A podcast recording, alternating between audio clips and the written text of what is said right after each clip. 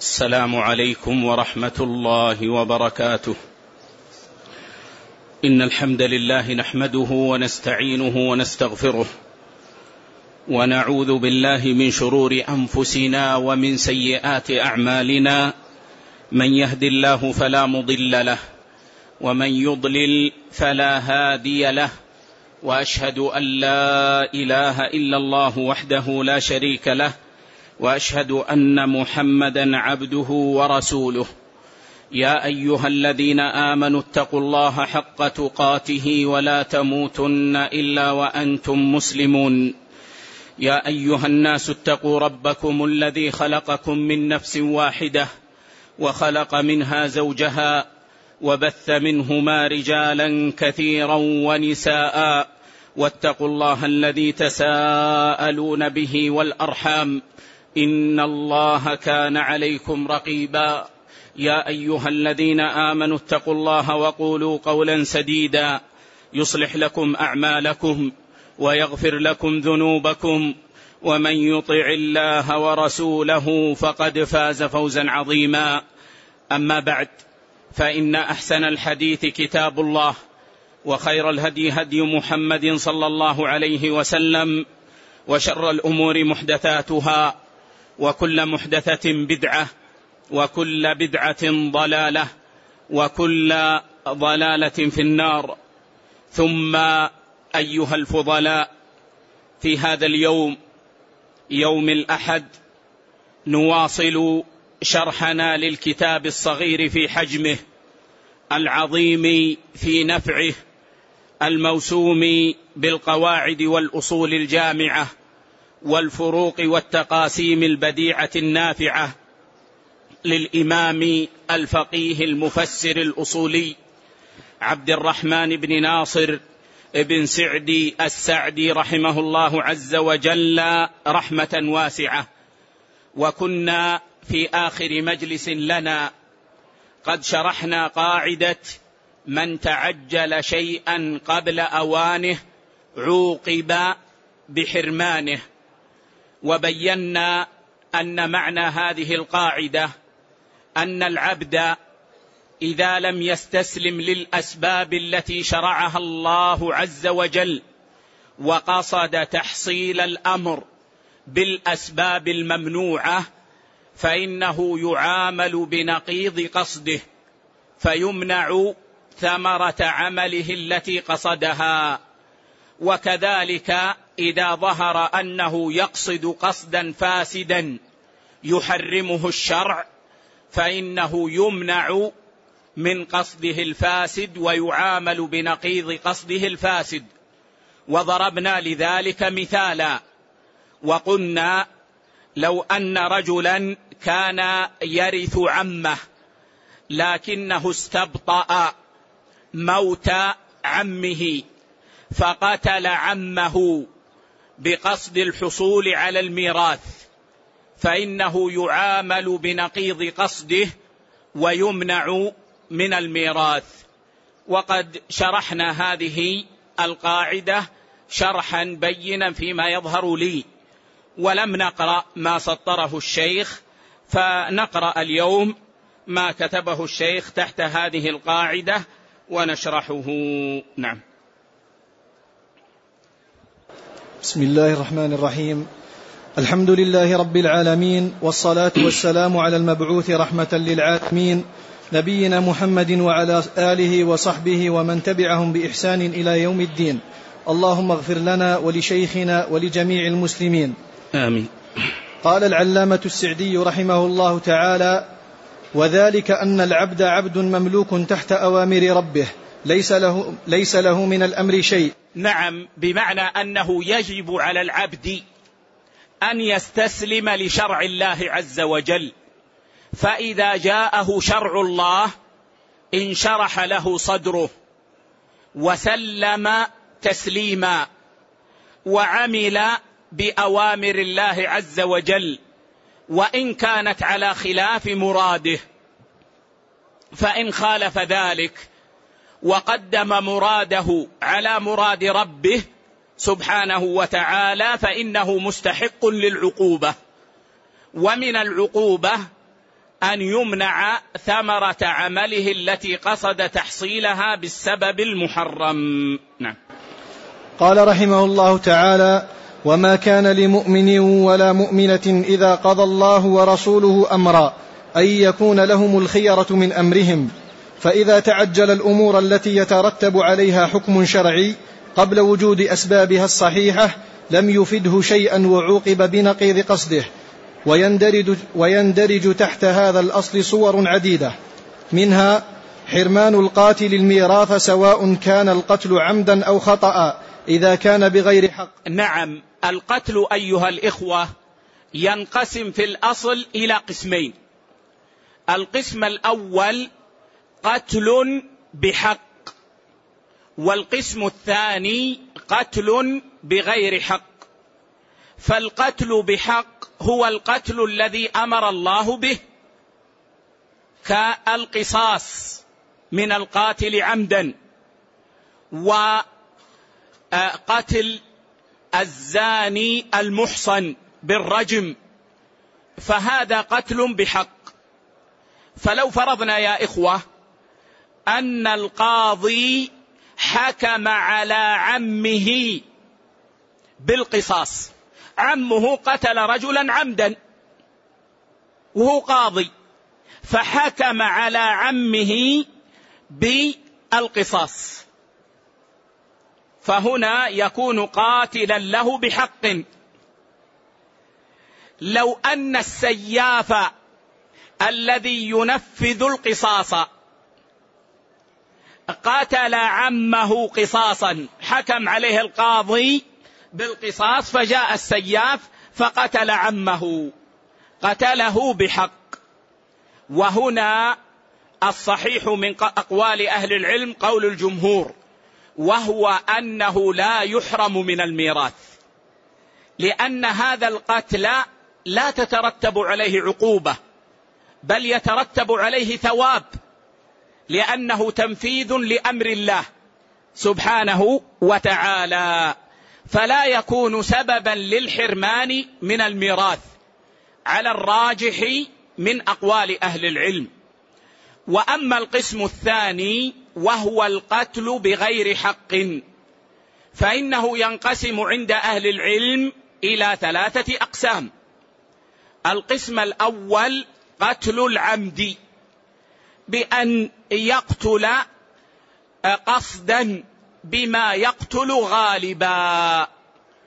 يضرب قصدا بما يقتل غالبا فيضرب بالمسدس أو بالسيف فيقتله.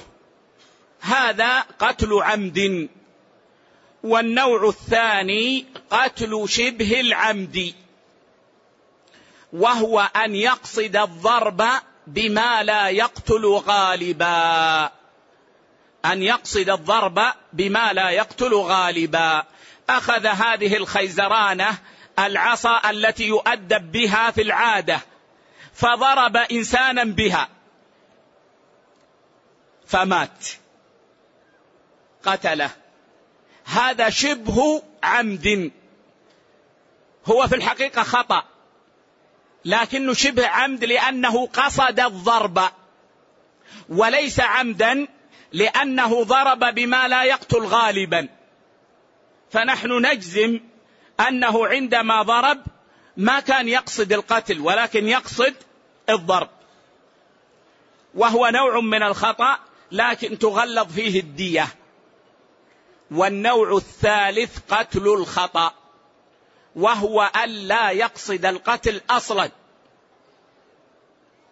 معه بندقية يصيد بها فأطلق الرصاص على الصيد فمر رجل فأصابته الرصاصة. يقود سيارته في الطريق فمر رجل أمام السيارة فضربه بالسيارة. هذا قتل خطأ. وقد اتفق العلماء على أن قتل العمد يحرم من الميراث. من قتل مورثه عمدا حرم من الميراث باتفاق العلماء. قتل عمه بالمسدس وهو من الورثة في الأصل لا يرث. ويحرم من الميراث باتفاق فقهاء الأمة. ويستدلون لذلك بقول النبي صلى الله عليه وسلم ليس لقاتل ميراث. رواه ابن ماجه وصححه الألباني. وأما قتل الخطأ فمحل خلاف بين أهل العلم. فالجمهور ومنهم الحنابلة أن قتل الخطأ يمنع من الميراث أيضا كما قرر المصنف هنا. أن قتل الخطأ يمنع من الميراث لعموم قول النبي صلى الله عليه وسلم ليس لقاتل ميراث. قالوا وهذا قاتل سواء كان الخطأ خطأ محضا أو شبه عمد. والذي يظهر رجحانه والله أعلم هو قول المالكية. وهو أن قتل الخطأ لا يمنع من الميراث لكن لا يرث من الدية. معروف يا إخوة أن الذي يقتل خطأ تجب عليه الدية. فإذا وجبت عليه الدية فإنه لا يرث منها. ولكن يرث من تلاد المال يعني من المال السابق الموجود. يرث. لماذا؟ لأن هذا القتل خطأ. هذا القتل خطأ ولا تترتب عليه العقوبة إلا المتعلقة بالروح وهي الدية وهي الدية وعليه الكفارة. قال العلماء لأن للقتل حرارة في النفس لا تذهب إلا بالكفارة فيكون ذلك لمصلحته. فالذي يظهر والله أعلم أن الأقرب للرجحان أن قتل الخطأ لا يكون سببا للمنع من الميراث. وإن كان الجمهور كما قال المصنف على منعه من الميراث. نعم. قال رحمه الله تعالى لأنه تعجل الميراث على وجه محرم فحرم الميراث. وكذلك الموصى له. إذا قتل الموصي بطلت وصيته له. قلت لكم يا إخوة لو أن رجلا مثلا قدم إلى المدينة فرآه رجل رآه صالحا محافظا على الصلاة حريصا على طلب العلم فكتب في وصيته أنه يعطى من ماله عشرا أو خمسا أو نحو ذلك وأخبره وقال أنا ذكرتك في وصيتي. والله هذا الرجل بقي سنة سنتين ثلاث سنين في المدينة أربع سنين يريد أن يرجع إلى بلده. وقال أنا لو ذهبت يمكن تذهب علي الوصية وأنا محتاج وهذا رجل كبير في السن. فوضع له سما. جاءوا بطعام وضع فيه السم أكل السم مات يحرم من الوصية عند الجمهور. إلا الشافعية. الشافعية لهم قولان. لكن المشهور في المذهب أنه لا يحرم. لكن عند الجمهور يحرم من الوصية. وقلت لكم الجمهور عندهم ضابط. يقولون كل فائدة تحصل بالموت تنتفي بالقتل. كل فائدة تحصل للإنسان بسبب الموت تنتفي بالقتل. فالميراث فائدة تحصل بسبب الموت. فتنتفي بالقتل. الوصية فائدة تحصل بالموت. فتنتفي بالقتل. وهكذا ضابط عام عند الجمهور. نعم. قال رحمه الله تعالى وكذلك المدبر إذا قتل سيده. المدبر وهو العبد الذي علق عتقه بموت السيد. قال له سيده إن أنا مت فأنت حر. إن أنا مت فأنت حر. دبر عتقه. دبر الموت. عقب الموت. فهنا الأصل أنه إذا مات السيد أعتق هذا العبد المدبر. لكن إذا قتل سيده هذا العبد المدبر إذا قتل سيده فإنه لا يعتق بل يبقى مملوكا لأن العتق فائدة تحصل بالموت فتنتفي بالقتل قياسا على الميراث قياسا على الميراث. وقلت لكم إن العلماء استثنوا من هذا شيئا واحدا أعني الفائدة التي تحصل بالموت أو استثنوا أمرين. الأمر الأول أم الولد إذا قتلت سيدها. فإنها تعتق. أم الولد ذكرت لكم يا إخوة أن أم الولد هي الأمة التي أولدها سيدها. فإنها تعتق بموت السيد حتى لا تدخل في ميراث ولدها. طيب لو أن أم الولد قتلت سيدها مقتضى القاعدة والضابط أنها لا تعتق. لكن قال العلماء هنا تعتق لوجود المانع لأن لو لم نعتقها لدخلت في في ملك ولدها. تدخل في الإرث فيرثها ولدها. وهذا لا يجوز. ولأن الملك لا ينتقل في أم الولد. ولو لم نعتقها لانتقل الملك فيها. والأمر الثاني قلنا إن الدين الأصل عند جمهور أهل العلم أن الدين المؤجل يحل بالموت. فإذا قتل المقرض المقترض فإن الدين يحل. مع أن القاعدة أنه لا يحل حتى لا يست حتى لا يستفيد. نعم. ومثل ذلك من طلق من طلق زوجته في مرض موته المخوف فإنها ترث منه. ولو خرجت من العدة ما لم تتزوج بعده على مذهب أحمد. وقيل ولو تزوجت. نعم. يا إخوة يقول العلماء من طلق زوجته في مرض موته في مرض موته. زيدوا زيدوا على الموجود طلاقا بائنا بغير رضاها. انتبهوا للقيود. من طلق امرأته في مرض موته طلاقا بائنا بغير رضاها. فمات فإنها ترث منه ما دامت في العدة عند الجمهور. الشافعية يقولون ما ترث. لكن الجمهور يقولون ترث ما دامت في العدة. فإن خرجت من العدة اختلف الجمهور.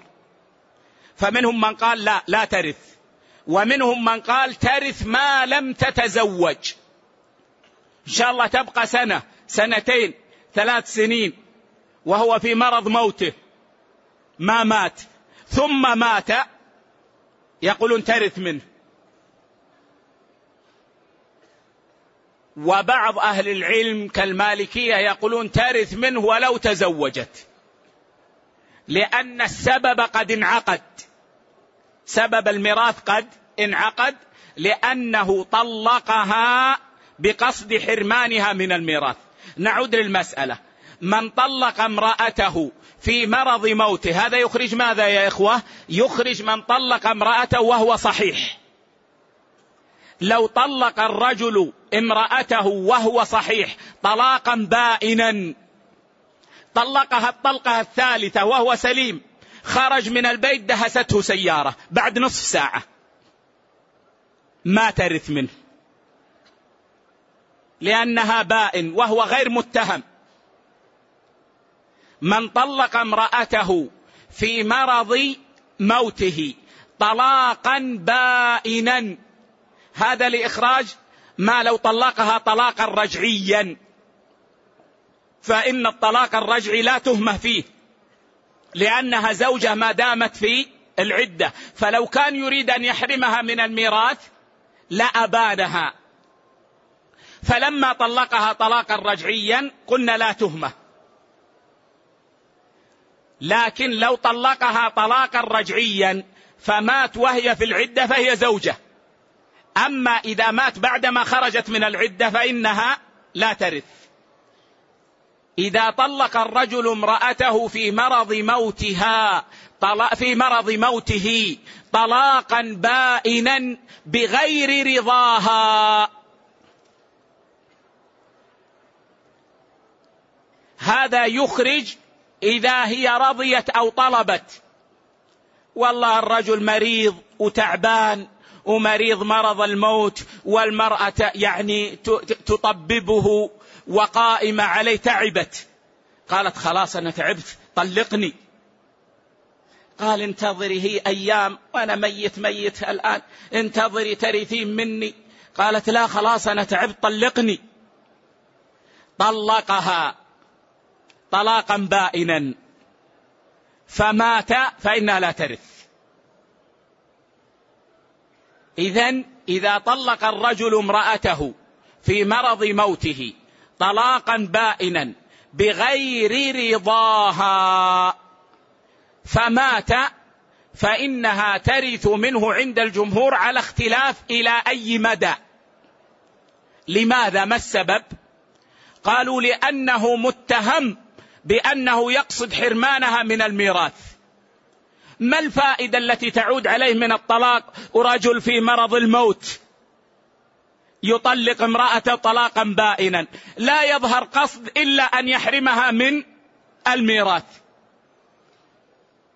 والله لا يريد أن يستبدلها بغيرها رجل مفارق الدنيا. وإنما متهم بقصد حرمانها من الميراث فيعامل بنقيض قصده الفاسد. وقد ثبت عن عثمان رضي الله عنه أنه ورثها. ثبت عن عثمان رضي الله عنه بإسناد صحيح أنه ورثها. نعم. قال رحمه الله تعالى لأنها معذورة. لأنها معذورة يعني هذا تعليل للقول بأنها ترث ولو تزوجت. والصحيح أنها إذا تزوجت لا ترث لأنه لا يعهد في الشرع أن المرأة ترث من زوجين. ما يعهد في الشرع ان أن المرأة ترث من زوجين. ولو قلنا ترث ولو تزوجت فإنها قد ترث من زوجين. فإذا مات الذي طلقها ورثت منه فمات الذي تزوجها بعد ذلك ورثت منه من زوجين. ليس في مسألة يعني مفترقة. يعني انها والله الآن تزوجت ومات زوجها وورثت ثم بعد ذلك تزوجت. لا تداخل. هذا ما يعرف في الشرع. واضح يا إخوة؟ المرأة يمكن ترث من خمسه أزواج. ممكن. لكن ما تتداخل. تتزوج الأول فيموت فترث. ثم تتزوج الثاني فيموت ثم ترث وهكذا.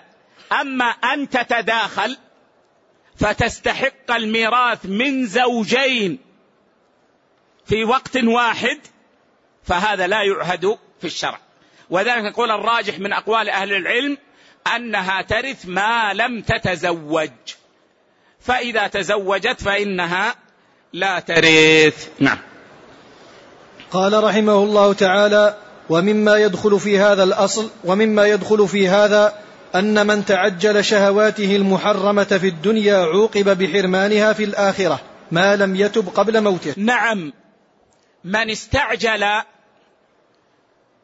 الشهوة ففعلها بالحرام فإنه متوعد بأن يحرمها في الآخرة إلا إذا تاب منها.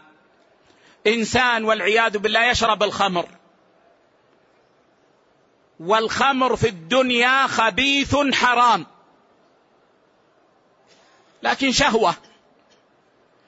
وأخذ يشرب الخمر وما تاب. فإنه متوعد بأن لا يشرب الخمر في الجنة. خمر الجنة حلال طيب نعيم لا مفسد فيه. لكن الذي يدمن الخمر في الدنيا يشرب الخمر في الدنيا ويموت قبل أن يتوب متوعد بألا يشرب الخمر في الجنة.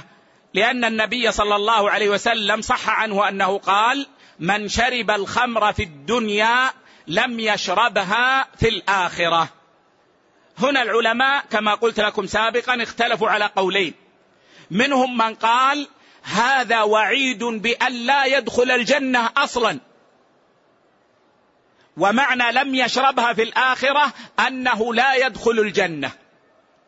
وقال بعض أهل العلم بل المقصود أنه إن دخل الجنة حرم من شرب الخمر فيها. وهذا أقرب والله أعلم. لأن التنصيص عليها دليل على خصوصيتها لا على الحرمان من الجنة مطلقا. وكذلك من لبس ثوب الحرير في الدنيا من الرجال فإنه يجازى بأن لا يلبس الحرير في الجنة لأنه صح عن النبي صلى الله عليه وسلم أنه قال من لبس الحرير في الدنيا لم يلبسه في الآخرة فدل ذلك على هذا الأصل الذي ذكره المصنف. نعم. قال تعالى ويوم يعرض الذين كفروا على النار أذهبتم طيباتكم في حياتكم الدنيا واستمتعتم بها. يستدل الشيخ بهذا على أن من استعجل طيباته في الدنيا التي حرمها الله عليه. والمقصود بالطيبات هنا الشهوة. وإلا في الحقيقة كل ما حرمه الله فهو خبيث. كل ما حرمه الله فحقيقته أنه خبيث. الكفار يوم القيامة يزاد عذابهم بأن يندموا على ما كان في الدنيا. فيقال لهم أذهبتم طيباتكم في حياتكم الدنيا. فوجه الدلالة من الآية وإن كانت في الكفار أن الله عز وجل أخبرهم أنهم حرموا الطيبات في الآخرة لأنهم تعجلوها في الدنيا. فكذا المسلم إذا تعجل امرا حرمه الله عليه في الدنيا فإنه قد يحرم منه في الجنة. نعم. قال رحمه الله تعالى ويقابل هذا الأصل أصل آخر أن من ترك شيئا لله عوضه الله خيرا منه ولم يجد ولم يجد فقده. فقده. الله أكبر أيها الإخوة. لما كانت القاعدة من تعجل شيئا قبل أوان عوقب بحرمانه في من لم يستسلم للشرع وفعل الأسباب المحرمة فجوزي وعوقب بالمنع ذكر الشيخ الأصل المقابل وهي أن من استسلم للشرع وترك ما يحب ويشتهي لأن الله حرم ذلك عليه عوضه الله خيرا منه في الدنيا. عوضه الله خيرا منه إما بالبركة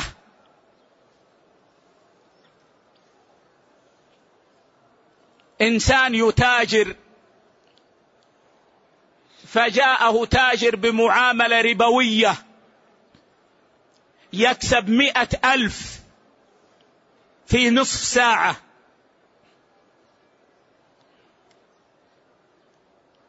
قال لكنها حرام. قال يا شيخ تتصدق ويذهب الحرام. قال لا أعوذ بالله. لا أفعل شيئا حرمه الله ولو جاء بالملايين. يعوضه الله خيرا مما ترك. إما بالبركة في ماله فيرى بركة في ماله زائدة. عكس من أدخل الحرام فإن ماله يمحق. ولذلك يقول النبي صلى الله عليه وسلم الربا وإن كثر فإلى قلة. الربا وإن كثر فإلى قلة. لكن الذي يترك الربا يعوضه الله خيرا بركة في ماله أو راحة في نفسه. فيجد طمانينه في قلبه راحة. أو مالا خيرا منه. ولا يجد الما في قلبه لفقد هذا. ما يجد الما في قلبه. إن كان صادقا يتركه لله. ولذا جاء في الحديث أن النبي صلى الله عليه وسلم قال إنك لن تدع شيئا لله عز وجل إلا بدلك به ما هو خير لك منه. إنك لن تدع شيئا لله عز وجل إلا بدلك به ما هو خير لك منه.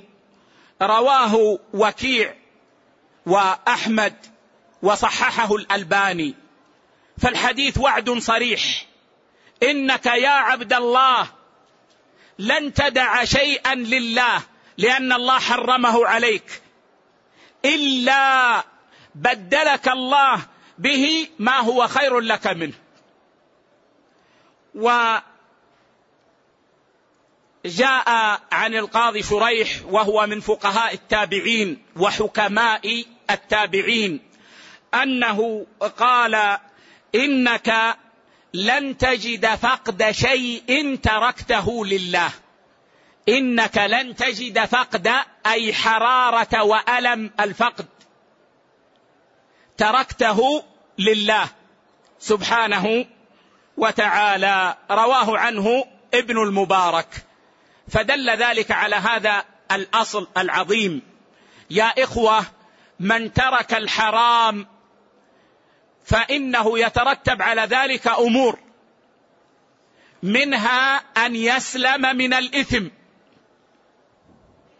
منها أن يسلم من الإثم فإن من يفعل الحرام يأثم ومنها أن يثاب فإن تارك الحرام يثاب.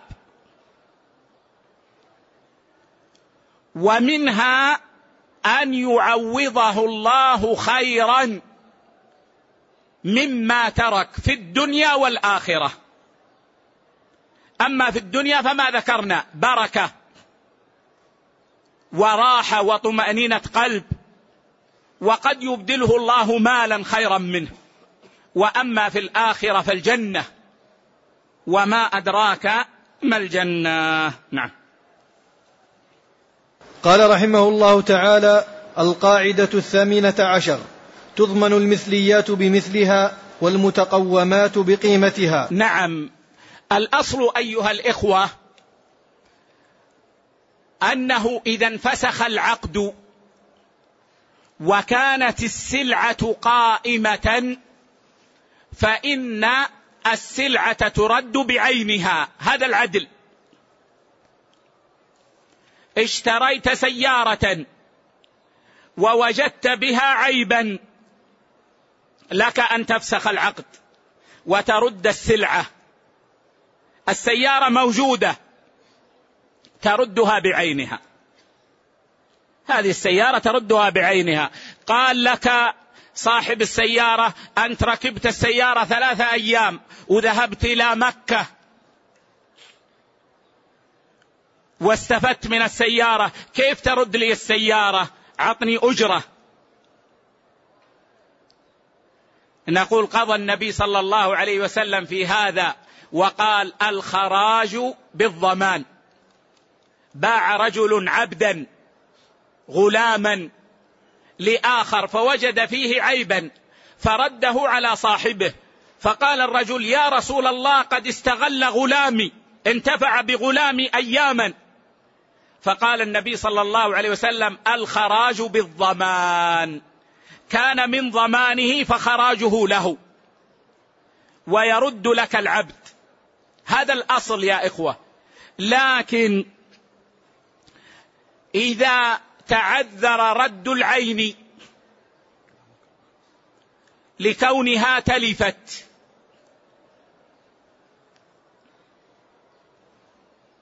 وحكم بالفسخ أو كانت مضمونة فكيف تضمن؟ كيف ترد؟ يقول لك الفقهاء بالاتفاق المثلي يرد بمثله. الذي له مثل يرد بمثله. والذي لا مثل له يرد بقيمته. وسنشرح هذا. قال والمثلي يرد بمثله. لأن هذا أقرب إلى العدل. ما دام لا نستطيع أن نرد العين لأنها تلفت فالأقرب هو المثل. لو قلنا إن الكتاب مثلي وهو مثلي على الراجح كما سأذكر لكم. أخذت كتابي استعرته وأتلفته بتعد أو تفريط. فإنك تضمن الكتاب. كيف تضمنه؟ بمثله. أخذت هذا الكتاب تأتيني بمثله. هذا أقرب إلى العدل. فإن لم يكن له مثل فإنه يرد بقيمته يوم التلف. يقوم. قيمته يوم التلف كم؟ في السوق. ويرد بالقيمة.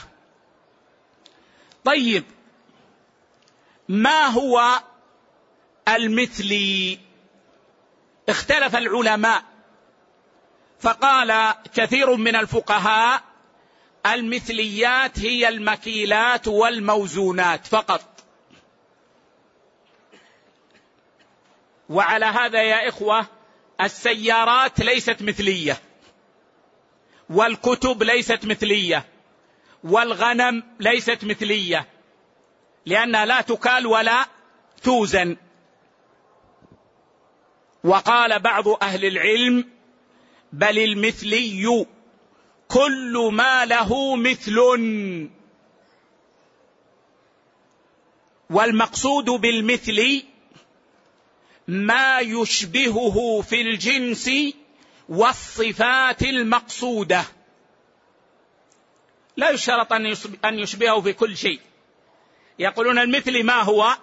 الذي له مثل يشبهه في جنسه والصفات المقصودة.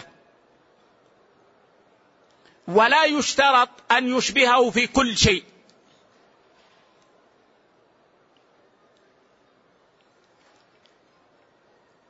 مثلا هذا الكتاب. على هذا القول هذا الكتاب مثلي. إذا أتلفته تضمنه بمثله في جنسه فتأتي بنفس الكتاب القواعد والأصول الجامعة. والصفات المقصودة هذا مجلد تأتي به مجلدا لأن التجليد صفة مقصودة ما تأتي به ورقيا. ما تأتي بغلاف ورقي. لأن هذه صفة مقصودة. لكن لو فرضنا يا إخوة هذا الكتاب أخضر وجئتني به أصفر. هذه صفة ليست مقصودة. ما تؤثر في المثلية. ما تؤثر في المثلية. وهذا الراجح. فإن قال لي قائل منكم ما الدليل؟ قلنا الدليل أن الله عز وجل جعل النعم مثل وذلك في الصيد في صيد المحرم فجزاء مثل ما قتل من النعم. الصيد جعل له مثلا من النعم والصيد لا يكال ولا يوزن والأنعام لا تكال ولا توزن. فدل ذلك على أن كل ما له مثل يشبهه في الجنس والصفات المقصودة فهو مثلي. سواء كان موزونا مكيلا مذروعا معدودا. وعليه السيارات اليوم مثلية لأنك تستطيع أن تأتي بمثل السيارة في جنسها وصفاتها. فالمثلي يضمن بمثله. فإن لم يكن مثليا فإنه يضمن بقيمته يوم تلفه. كيف لم يكن مثليا؟ إما أنه لا مثل له في الأصل. لا مثل له في الأصل. أو عدم المثل. كان له مثل لكن عدم في السوق ما يوجد. فإنه كأنه لم يكن. أو زادت قيمته زيادة فاحشة. هذا الكتاب كان بسبع ريال.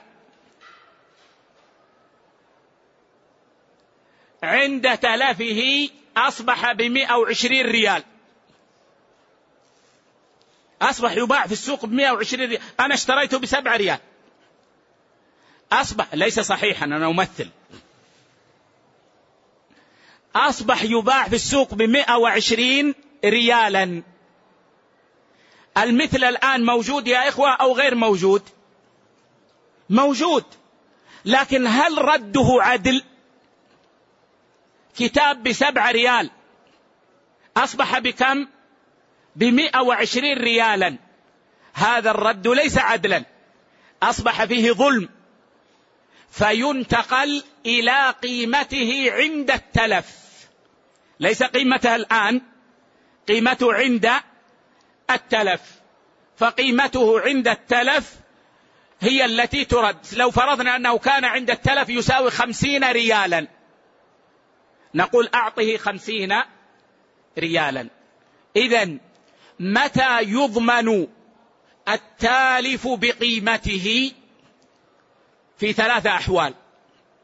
الحالة الأولى إذا لم يكن مثليا أصلا ليس له مثل. الحالة الثانية أن يعدم المثل في السوق لا يوجد أن ينعدم. الحالة الثالثة أن يزيد سعره أو تزيد قيمته زيادة فاحشة. فهنا يرجع إلى القيمة. نعم. قال رحمه الله تعالى اختلف العلماء ما هي المثليات فقيل إنها المكيلات والموزونات فقط والمتقومات ما عداها وقيل إنها أعم من ذلك. أعم من ذلك يعني كل ما له مثل كما قال الشيخ نعم. قال رحمه الله تعالى وإنها كل شيء له مثل وشبيه. كل شيء له مثل على كلام الشيخ أي يساويه من كل وجه. يساويه من كل وجه. نعم. وشبيه ومقارب وشبيه ومقارب أي يشابهه في جنسه والصفات المقصودة. فلا يضر إذا اختلفت الصفات التي ليست مقصودة. نعم. ومقارب وهو الصحيح لأنه صلى الله عليه وسلم استقرض بعيرا وأراد رد بدله فلم يجد فقضى خيرا منه. نعم روى مسلم في الصحيح أن رسول الله صلى الله عليه وسلم استسلف من رجل بكرا وهو الفتي من الجمال. الفتي من الجمال. فقدمت عليه صلى الله عليه وسلم إبل الصدقة فأمر أبا رافع أن يقضي الرجل بكره. لاحظوا أمر أبا رافع أن يقضي الرجل بكره يعني أن يقضيه مثله. بكرا ببكر فرجع إليه أبو رافع رضي الله عنه فقال لم أجد إلا رباعيا. ما فيه إلا رباعي والرباعي هو الذي أكمل ست سنين من الجمال.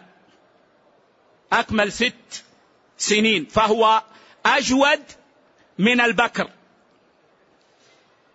فقال صلى الله عليه وسلم أعطه إياه. إن خيار الناس أحسنهم قضاء.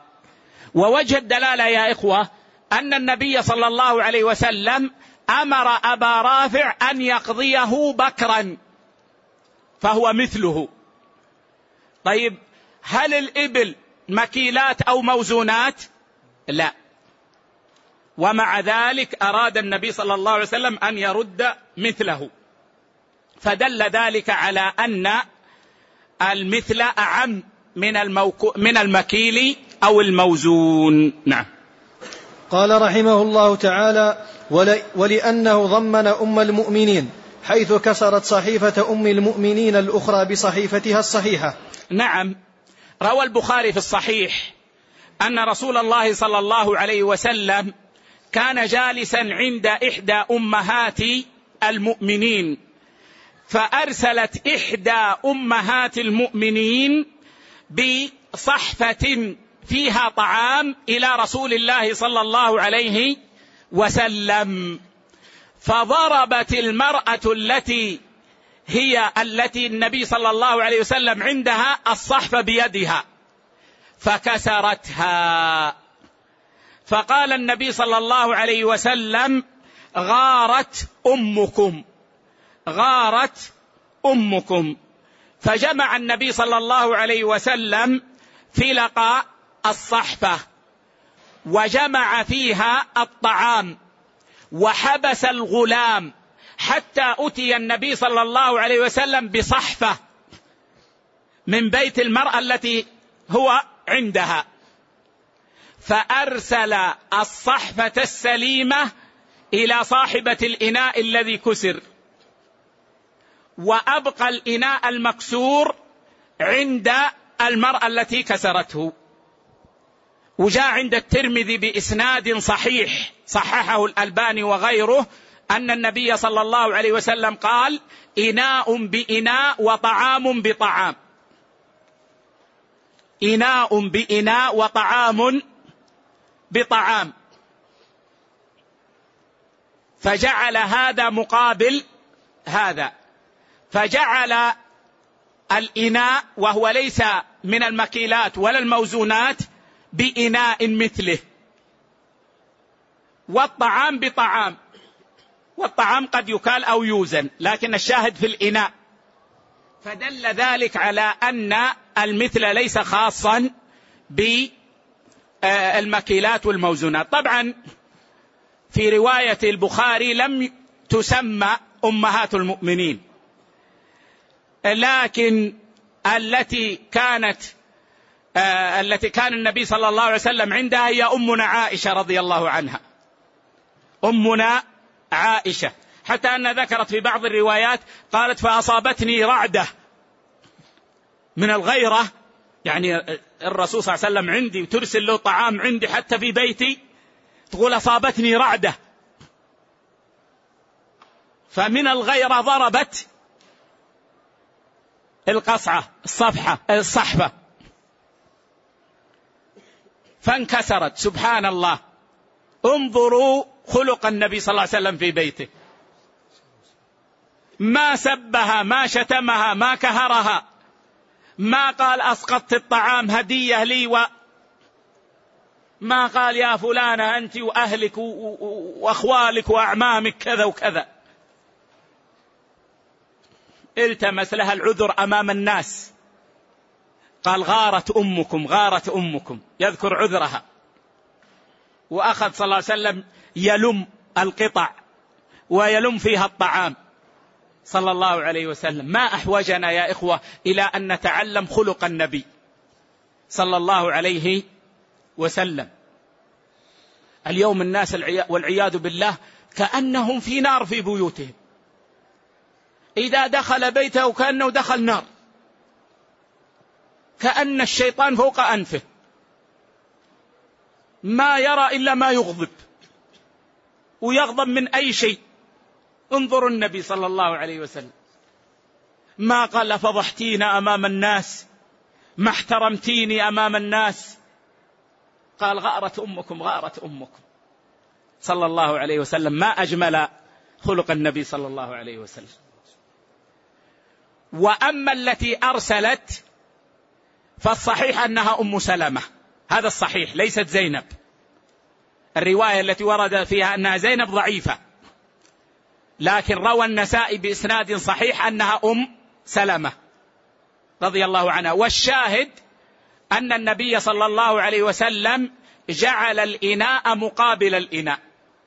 فدل ذلك على أن المثليات ليست خاصة بالمكيلات والموزونات. نعم. قال رحمه الله تعالى والحديثان صحيحان.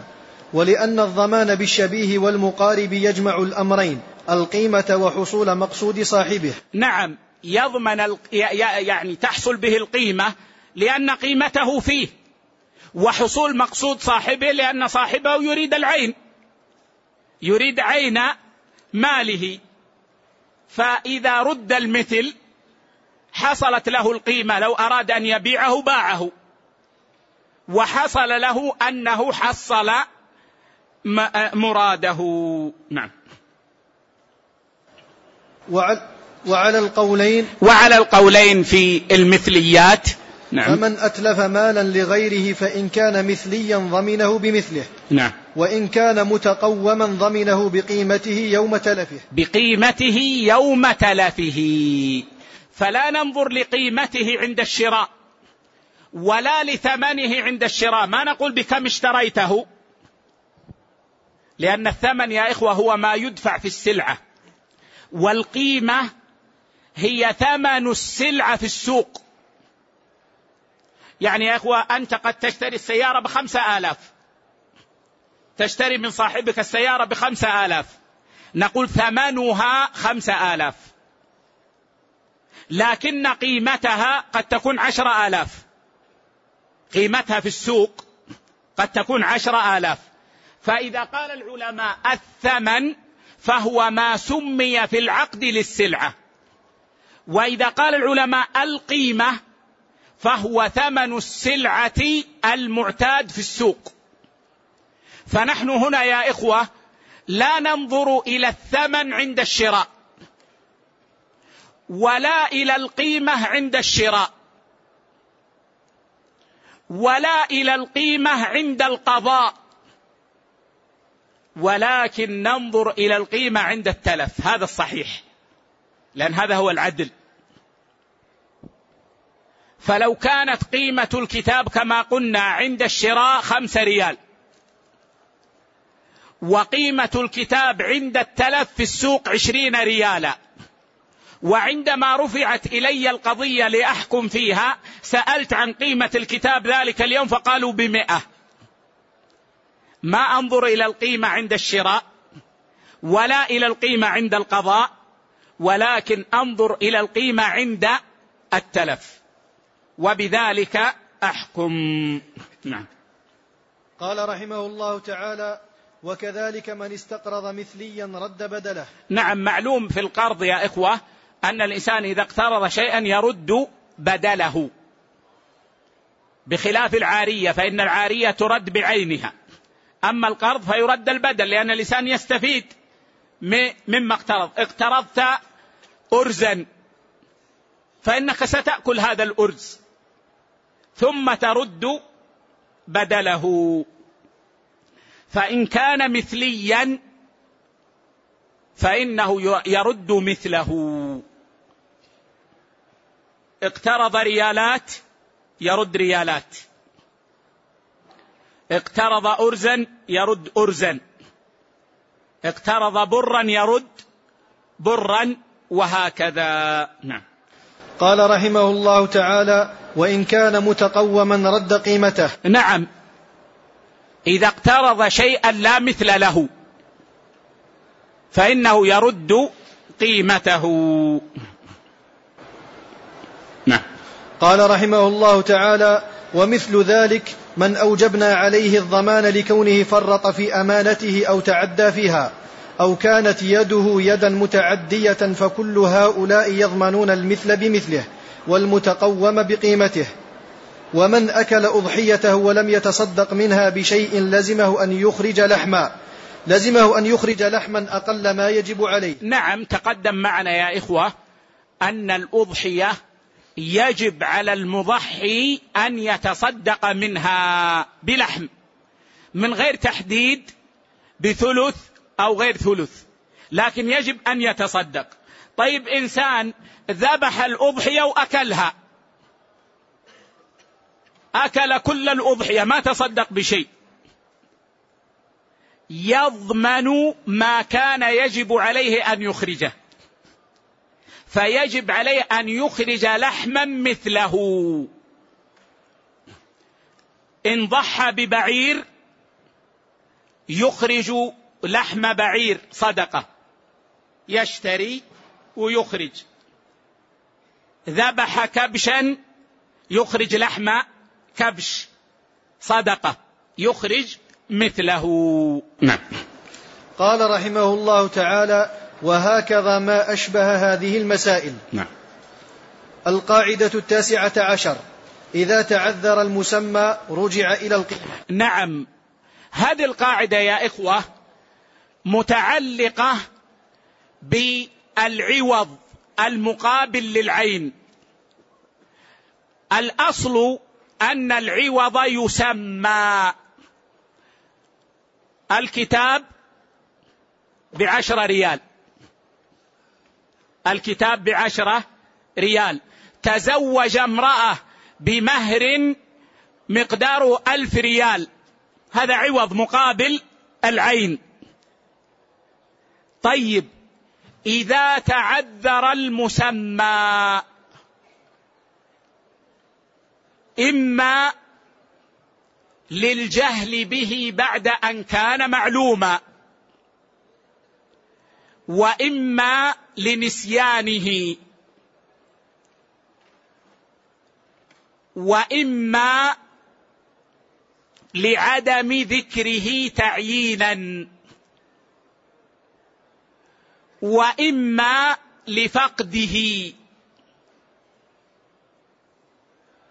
وإما لكونه حراما أو فيه غرر. إما للجهل بعد العلم به. مات أب. فوجد ابنه ورقة.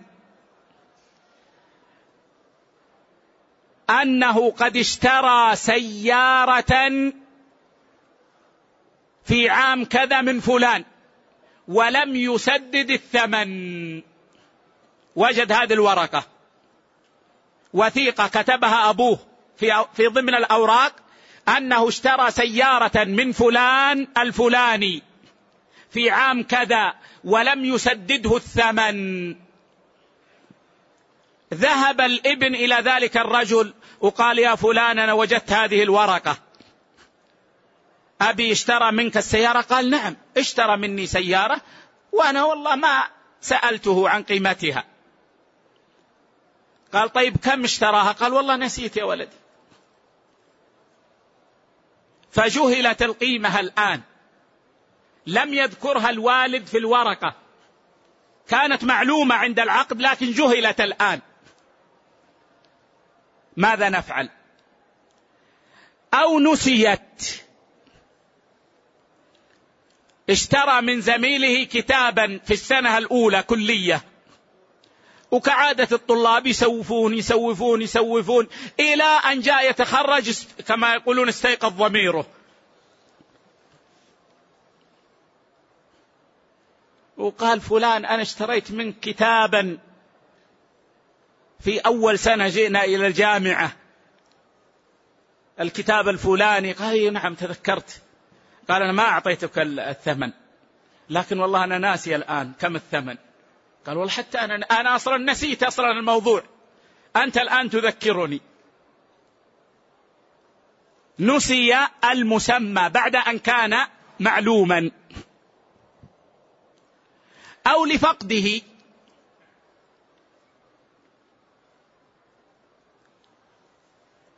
بعتك عشر شياه ببعير. بعتك عشر, عشر شياه ببعير. بعتك عشر شياه ببعير.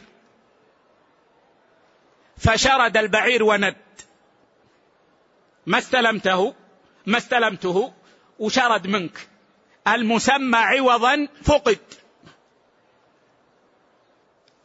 أو تعذر تسليمه لكونه حراما. باعك عشر أكياس أرز بآلة عود آلة طرب. العوض آلة عود. عود جيتار سمسمية أنواع الموسيقى هذه. فالعوض حرام. العوض حرام. أو باعك شاة بكلبي زينة. حتى نخرج من الخلاف بالكلية. لا صيد ولا شيء. العوض هنا محرم ان يعاوض به. ماذا نفعل؟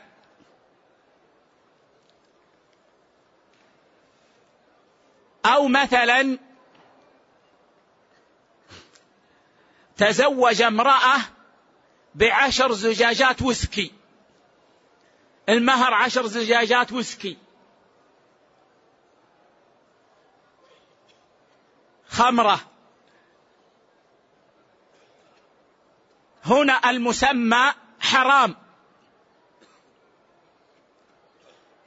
فيتعذر في كل هذا تسليم المسمى. فماذا نفعل؟ القاعدة العامة أنه يرجع إلى القيمة. يرجع إلى القيمة.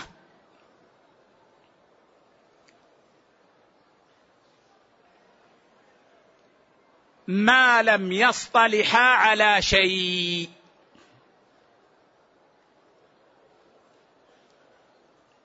ما معنى يرجع إلى القيمة؟ يعني يرجع إلى قيمة ذلك الشيء في السوق عند المعاملة. أو إلى مثله عند الناس. في الأمر الأول المثال الأول السيارة التي جهل ثمنها المسمى. ولا كان مسمى لكن جهل. نرجع إلى قيمة هذه السيارة عند المعاملة. نسأل أهل الخبرة أصحاب السيارات هذه السيارة في ذاك الزمان كم كانت تساوي؟ قالوا تساوي كذا. نقول خلاص ادفع كذا. لأن الأصل أن الناس يبيعون السلع بقيمها في السوق. كما يقال المجاملات في الأثمان هذه قليلة. الأكثر أن السلعه تباع بثمنها في السوق. في نسيان المسمى نرجع إلى قيمتها في السوق طيب إذا كانت محرمة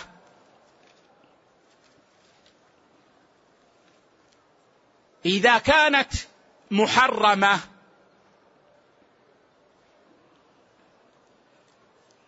أو غير. أو... أو كانت غير معينة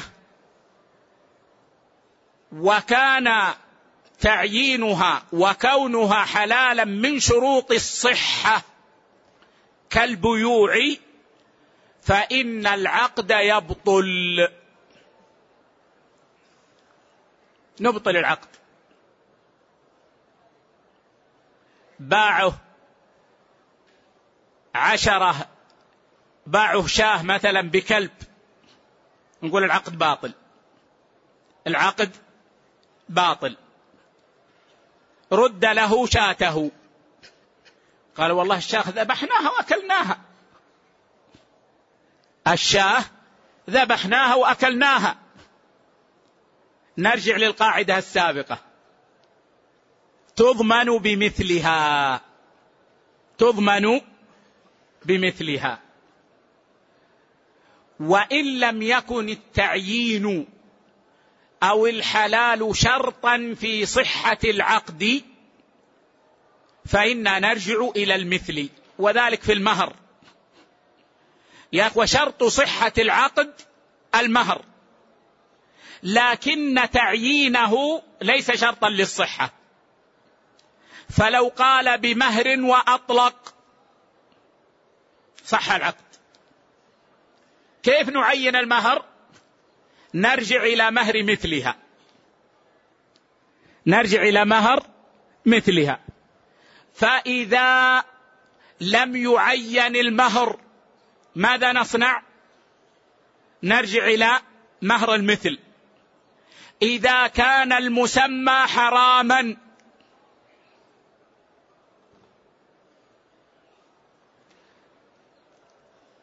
قال مهرها عشر زجاجات خمر والدها سكير.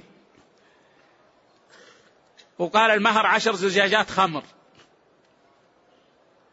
ولا قال مهرها رقاصة. تأتي برقاصة. هذا مهرها. ما نريد منك شيء لكن جيب رقاصة. فهنا يلغو المسمى كأنه لم يسمى. ويرجع إلى مهر المثل. يرجع إلى مهر المثل. إذا يا أخوة فرقوا بين المهر والمعاوضة في البيوع. المعاوضة في البيوع إذا كان المسمى محرما نبطل العقد. ونرد العين. فإن تلفت العين ضمناها بالمثل. وإن كان في المهر لا ما نبطل العقد. ولكن نلغي المسمى كأنه لم يكن. ونرجع إلى مهر المثل. نعم. قال رحمه الله تعالى وهذه القاعدة غير القاعدة التي قبلها. نعم. لأن تلك يا إخوة في مقابلة العين. في مقابلة العين. إذا تلفت مثلا كيف تضمن؟ أما هنا ففي مقابلة العوض. المقابل للعين. نعم. لأن هذه المعاوض لأن في هذه لأن هذه لأن هذه في المعاوضات التي سمى لها ثمنا. واتفق المتعاوضان فيها على ذلك والأحسن الأحسن لو قال الشيخ التي سمي لها ثمن. التي سمي لها ثمن هذا أحسن. واتفق المتعاوضان فيها على ذلك الثمن المسمى فحيث تعذر معرفة المسمى للجهل به بعد العلم أو لنسيانه أو لنسيانه. نعم. أو تعذر تسليمه لكون التسمية غير لكون التسمية غير صحيحة لغرر أو تحريم أو نحوها فإنه يرجع إلى قيمة ذلك الذي سمي له ذلك الثمن الذي تعذر تسليمه فيدخل في ذلك البيع والإجارة بأنواعهما. والقيمة تكون عند العقد عند العقد لأن الثمن يلزم عند التعاقد والعوض يلزم عند التعاقد. نعم. فإذا باع شيئا بثمن وتعذر معرفة الثمن الذي سمياه في العقد رجعنا إلى قيمة المبيع. يعني لو مات الطرفان. فلم نعرف الثمن الذي اتفق عليه. جهلنا الثمن. هما اتفق على ثمن. لكن مات. هما راجعان في السيارة وقع حادث ومات. نرجع إلى القيمة. وكذلك في النسيان. نعم. لأن الغالب أن السلع تباع بأقيامها. يعني الغالب أن السلعة عند بيعها تباع بقيمتها في السوق المعتادة. أما كونه يجامله بنقص أو يزيد عليه قليلا هذا قليل. بالنسبة لمعاملات الناس. نعم. فالعدل أن نرجع إلى القيمة. نعم. وكذلك إذا تعذر معرفة الأجرة, الأجرة رجعنا إلى أجرة المثل. نعم. إذا تعذر معرفة الأجرة رجعنا إلى أجرة المثل. دخل عليه وقال خط لي هذا الثوب. قال طيب متى آتي؟ قال بعد أسبوع. جاءه بعد أسبوع.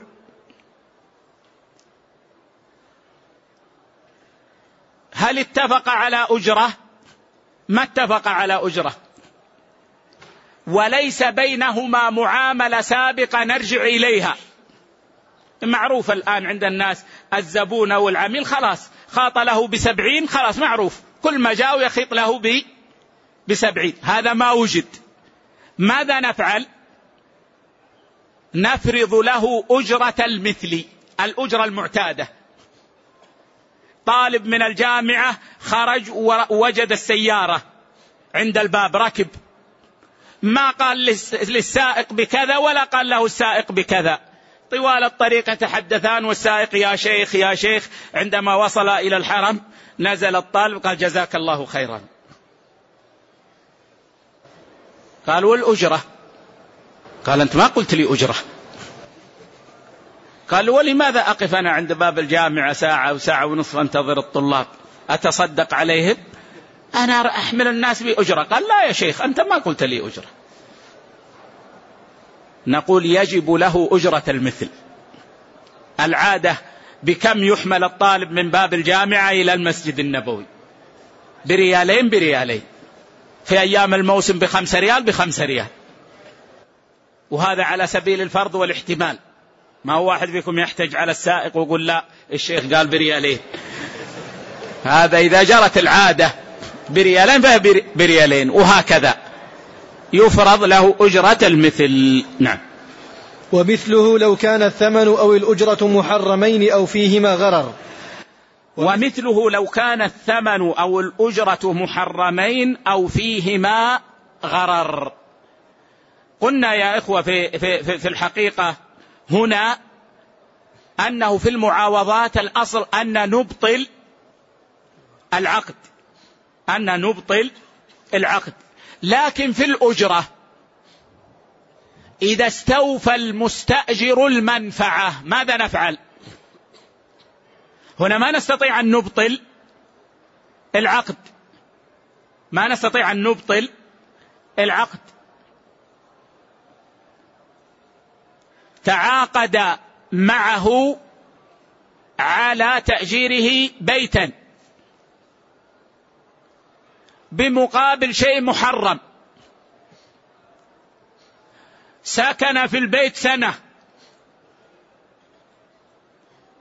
وبعد ما سكن واستوفى المنفعة قلنا نحن إنه لا يجوز أن يعطيك هذا المحرم. ماذا نفعل؟ في هذه الحال ضرورة يرجع إلى القيمة. ضرورة يرجع إلى القيمة. وبعض أهل العلم يقول لا. نرجع في هذا الحال إلى المثل. نرجع إلى المثل على كل حال. نعم. وهذا الصواب. وهذا الصواب. نعم. قال رحمه الله تعالى ومثل ذلك المسمى في مهور النساء إذا تعذر معرفته أو تعذر تسليمه فإنه يجب مهر المثل. وهذا الرجوع إلى إلى أقيام المثل أقرب إلى حصول وإلى غرض كل منهما. يعني حقيقة الكلام هنا ما يستقيم. قال أقرب إلى حصول وإلى غرض كل منهما. إما أن يقال إلى حصول العدل. أقرب إلى حصول العدل. وإلى غرض كل منهما. يعني وإلى حصول غرض كل منهما. أو نحذف وإلى. فتصبح الجملة هكذا. إلى حصول غرض كل منهما. فتكون وإلى هنا زائدة. وإلا الكلام على حسب ما هو مكتوب لا يستقيم. لعلنا نقف هنا ونجيب عن بعض أسئلة إخواننا ونكمل إن شاء الله في الدرس القادم. غدا إن شاء الله يوم الاثنين هو لا نجلس فيه. يوم الثلاثاء إن شاء الله سيكون الدرس في شرح صحيح الترغيب والترهيب. نعم. أحسن الله إليكم شيخنا وبارك فيكم وجعلكم مفاتيح للخير مغاليق للشر, للشر مباركين أينما كنتم. هذا سائل يقول أنا شاب استقمت قبل سنتين والحمد لله. تركت كل شيء إلا سماع الأغاني فكيف أفعل حتى أتخلص منها؟ وهل يجوز سماع الأناشيد التي فيها ألحان صوتية؟ اولا احمد الله عز وجل أن أنعم عليك بالاستقامة. وأنك تركت ما حرم الله عز وجل. ثم بعد ذلك جاهد نفسك. واترك ما حرمه الله عز وجل عليك وثق أن لذة الترك أعظم من لذة الفعل. لذة ترك الحرام في العاقبة أعظم من لذة فعل الشهوة.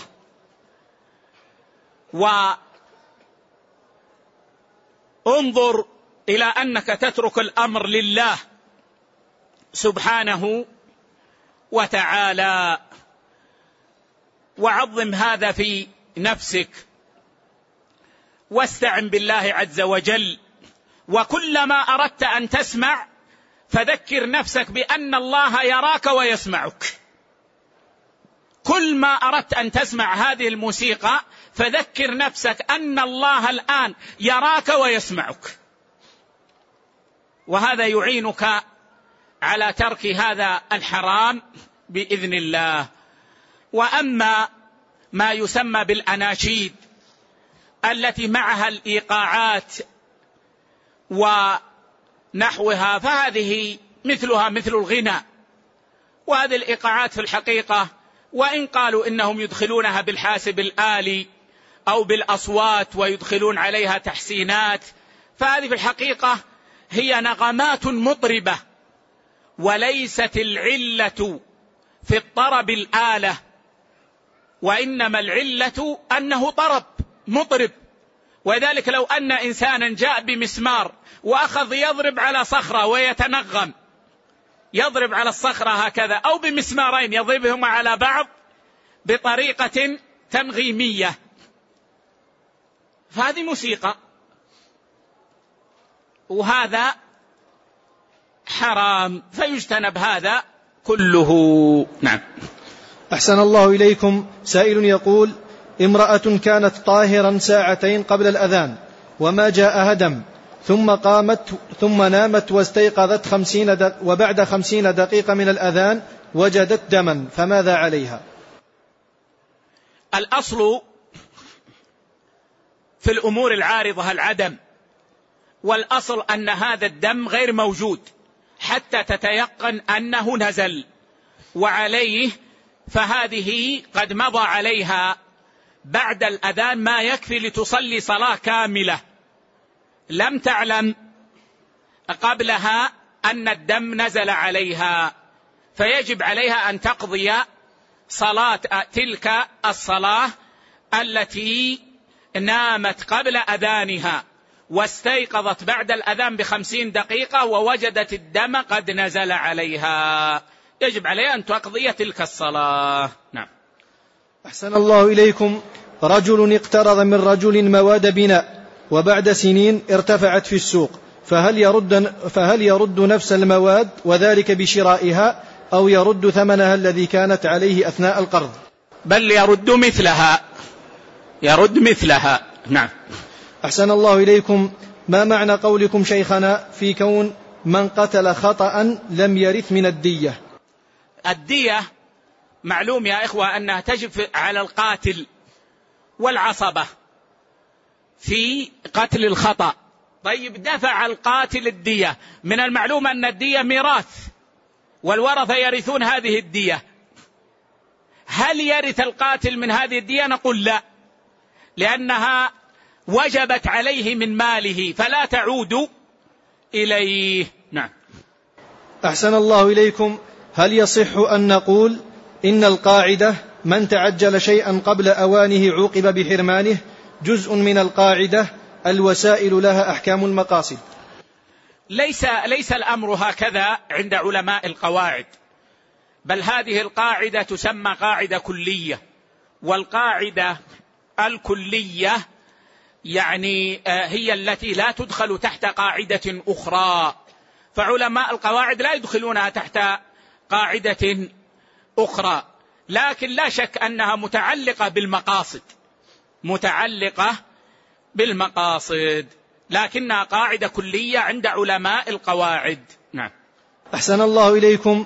إذا طلق الرجل زوجته وهو صحيح ولكن هناك قرائن تدل على أنه طلقها لأنه لا يريد أن ترث لأنه لا يريد أن ترث منه بعد موته. ثم مات هل ترث زوجته منه؟ ما يمكن هذا. ما فيه إنسان صحيح يعني يريد أن يحرمها من الميراث بالطلاق. يعني بأنها بأنه الآن يطلقها حتى لا ترث. نعم قد يكون يطلقها لأنه ما يريد أن ترث منه في المستقبل. هذا لا يدخل معنا في المسائل لأن هذا ليس من القصد الفاسد. نعم. أحسن الله إليكم. هل يجوز ضمان المثل بقيمته إذا اتفق الطرفان؟ وكيف نعرف قيمته؟ إذا اتفق الطرفان واصطلح على شيء فلا بأس. وسيأتي إن شاء الله في الصلح. إلا إذا كان ربويا فلا بد أن يرد بمثله. نعم. أحسن الله إليكم. إذا كان الزوج عقيما فقامت زوجته بشرب دواء لإنزال لبنها ثم أرضعت بنتا صغيرة. فهل تنشأ محرمية بين الزوج وبين هذه البنت؟ ينظر في هذا اللبن الذي شاب لهذه المرأة وثاب منها. فإذا كان مما يغذي فنعم. لأن العبرة بالتغذية. وإذا كان مما لا يغذي بل هو سائل يخرج لا قيمة له ولا ينبت لحما ولا عظما فهذا لا عبرة به. أحسن الله إليكم. هذا الصحيح. ولا بعض أهل العلم يرون أن لابد أن يكون قد ثاب من ولادة لكن هذا لا دليل عليه وإنما العبرة بالإطعام. نعم. أحسن الله إليكم هذا سائل يقول أنا أعمل مرشدا في العمرة ووجدت حقيبة نقود في سوق التمور بأحد يوم أمس ووجد فيه فيها عملة لأحد لإحدى الدول وغدا أسافر إلى مكة المكرمة فكيف أعمل للتعريف بها علما أن المبلغ معتبر؟ الواجب أن تعرف حيث فقدت وأنا أرى لك يا أخي أن تذهب إلى ذلك المكان وتنظر في الناس من الباعة ونحوهم من تتوسم فيه الخير والصلاح وتخبره أنك وجدت هذه الحقيبة يعني في المكان الفلاني وأنها تحتاج إلى تعريف. فإن قبلها تبرأ ذمتك إن شاء الله وهو يقوم إن شاء الله بتعريفها. نعم. أحسن الله إليكم. قال النبي صلى الله عليه وسلم في الحديث ما بين بيتي ومنبري روضة من رياض الجنة. هل في الحديث دلالة على الص... على على على الصلاة أو الذكر للفضل في هذا المكان؟ على فضل الصلاة والذكر في هذا المكان. لا وإنما فيه دلالة على فضل المكان. وكلما عظم فضل المكان عظمت العبادة فيه. ولذلك العلماء يقولون إذا تيسر للإنسان أن يصلي النافلة في الروضة فهذا أفضل. فهذا أفضل وذلك لوجهين. الوجه الأول أن النبي صلى الله عليه وسلم أخبر عن فضل هذا المكان وفي هذا إشارة إلى فضل العبادة فيه. والأمر الثاني أن من صلى في الروضة فقد صلى في مسجد رسول الله صلى الله عليه وسلم القديم يقينا. فيكون داخل داخلا في الفضل يقينا بلا نزاع. ولذلك يا إخوة نحن نقول ونقرر أنه يستحب للإنسان أن يصلي النافلة في الروضة إذا تيسر ذلك من غير ضرر على الناس والمسلمين لشرف المكان. أما الفريضة فالصف الأول أفضل من الصلاة في الروضة. وإذا كان يترتب على ذلك أذية للمسلمين فترك أذية المسلمين أعظم أجرا من الصلاة في الروضة. نعم. أحسن الله إليكم. هناك مسجد فيه أشياء. المسجد ليس بحاجة إليها. ما حكم بيعها والاستفادة من المال لصالح المسجد؟ إذا تبين أن المال الموقوف على المسجد عينا كان أو نقدا لا يحتاج إليه المسجد. فهنا لا يخلو الأمر من حالين. الحالة الأولى أن يمكن الرجوع إلى الواقف لأنه معلوم ويتيسر الرجوع إليه فهنا يرجع إليه. ويقال له إن المسجد الذي أوقفت عليه المال قد استغنى عن هذا المال. فما رأيك أن ننقله إلى المسجد الآخر فيرجع إليه لأنه الموقف الأصلي؟ أو ناظر الوقف يرجع إليه. والحالة الثانية الا يعرف هو من ضمن الناس أو لا يتيسر الرجوع إليه فالصحيح من أقوال أهل العلم أنه ينقل إلى مثله. إذا ثبت استغناء المسجد عنه استغناء كليا فإنه ينقل إلى مثله من المساجد. نعم. أحسن الله إليكم. شاب وقع في جريمة الزنا فبما تنصحونه؟ نصيحتي له أن يتوب إلى الله وأن يشكر الله أن أمد في عمره حتى أمكنه أن يتوب.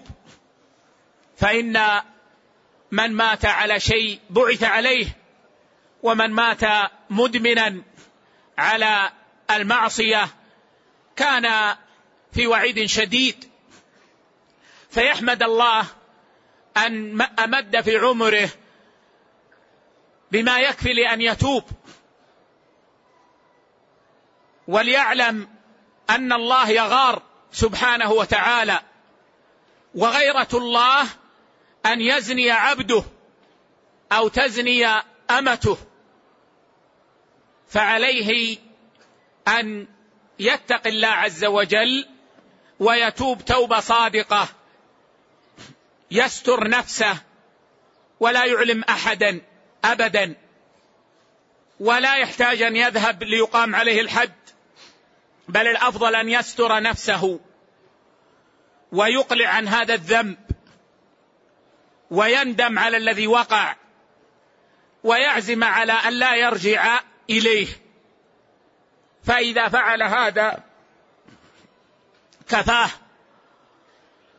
وليكثر من الدعاء للمرأة وأهلها. لعل هذا أن يكافئ حقهم.